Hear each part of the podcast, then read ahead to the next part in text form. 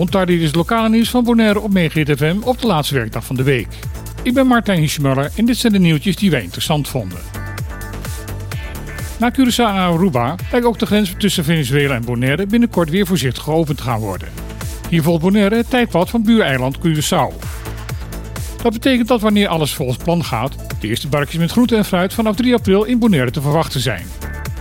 Het bestuurscollege van Bonaire zegt hier blij mee te zijn, omdat hiermee ook de kosten van het levensonderhoud op Bonaire verder omlaag gebracht kunnen worden. Sinds de onverwachte sluiting van de grens door Venezuela in februari 2019 was Bonaire aangewezen op dure import van groente en fruit en bouwmaterialen uit andere landen uit de regio. Zo langzamerhand begint net aan de carnaval iets van een verkiezingskort op Bonaire te ontstaan. De media geven er volop aandacht aan en ook de politici laten zich heel voorzichtig wat meer zien. Zo trapte gisteren het eigen tv-station van Flamingo Netwerk, NOS TV, af met het programma Bonaire Tavota. Tot aan de verkiezingen zal het programma op werkdagen live worden uitgezonden. Kijkers krijgen in het programma de kans om politische vragen te stellen. Ook de Kamer van Koophandel draagt een steentje bij aan de discussie. Op maandag 6 maart organiseert de Kamer een verkiezingsdebat voor ondernemend Bonaire. Hierbij kunnen ondernemers in debat gaan met de aanwezige politici.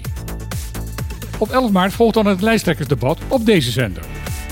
In de zendtijd van het actualiteitenprogramma Op de Klippen zullen dan in twee ronden de zes lijsttrekkers en zes andere kandidaten van de kieslijsten in debat met elkaar gaan en reageren op vragen van sociale en maatschappelijke groeperingen uit de Bonaireaanse samenleving. Dit debat zal tegelijkertijd worden uitgezonden door de tv-zender DCTV. Ondertussen roept James Finis, leider van de protestbeweging Noske Bonaire Beck, iedereen op om niet te gaan stemmen. Volgens hem zijn de verkiezingen een farce en beslist uiteindelijk Nederland over alles. Hij ziet ook geen enkele vooruitgang op het eiland. Daarom is het volgens Finis volstrekt zinloos om te gaan stemmen. Na vele maanden voorbereidingen was het nu zover. De splinternieuwe radiostudio van FM werd gisteren feestelijk geopend.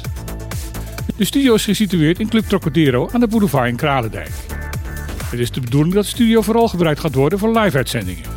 Daarbij kan ook gedacht worden aan live optredens van muziekgroepen en bands op het podium van Trocadero. De officiële opening werd verricht door minister Show, Ferry Maat. Het was wel een feest met een zwart randje. Afgelopen woensdag werd namelijk bekend dat de initiatiefnemer van dit nieuwe studioproject, Ron Singels, is overleden. Singels was al geruime tijd wegens gezondheidsproblemen in Europees Nederland, maar zijn overlijden kwam voor de meeste mensen toch onverwacht. Hij was een zeer gewaardeerde collega bij Megahit FM en was bekend als een van de leden van de Bende van Ellende in het zaterdagavondprogramma De Ruiten en Konuiten. Als eerbetoon is de gisteren geopende studio nu naar hem vernoemd. Procureur-generaal Baruba is geen populair beroep. Dat blijkt uit een heropening van de sollicitatieprocedure die afgelopen december al was gesloten.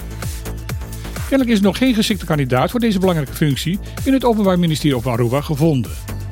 Het is ook geen makkelijke baan. In de advertentietekst is te lezen: Het OM op Aruba staat vol in de frontlinie en onder relatieve hoge druk van media en politiek. Een simpel zinnetje met een vergaande lading. Op Aruba is de OM de afgelopen jaren bezig geweest met diverse rechtsvervolgingen waar politici bij betrokken zijn. Omdat Aruba een kleine leefgemeenschap is, blijken medewerkers van het OM daar vaak in de privésfeer op aangesproken te worden. Daaruit volgt dat vakante functies binnen het OM niet altijd even makkelijk te vervullen zijn. Voor de functie van PG heeft de OM nog wel even de tijd. De huidige procureur-generaal Botte te Stegen vertrekt pas 1 september. Dit was weer het lokale nieuws van deze week op Megahit FM. Morgen is op deze zender van 12 tot 2 weer het programma Op de Klippen. Susie Today zal dan onze tafelgast zijn. Verder zullen Hennis Tielman en Clark Abraham met elkaar in gesprek gaan over onder andere de aankondiging van het OLB dat Bachelor Beach toch verbouwd gaat worden. Dus als je daar belangstelling voor hebt, luister dan naar de radio of kom langs bij Club Trocadero.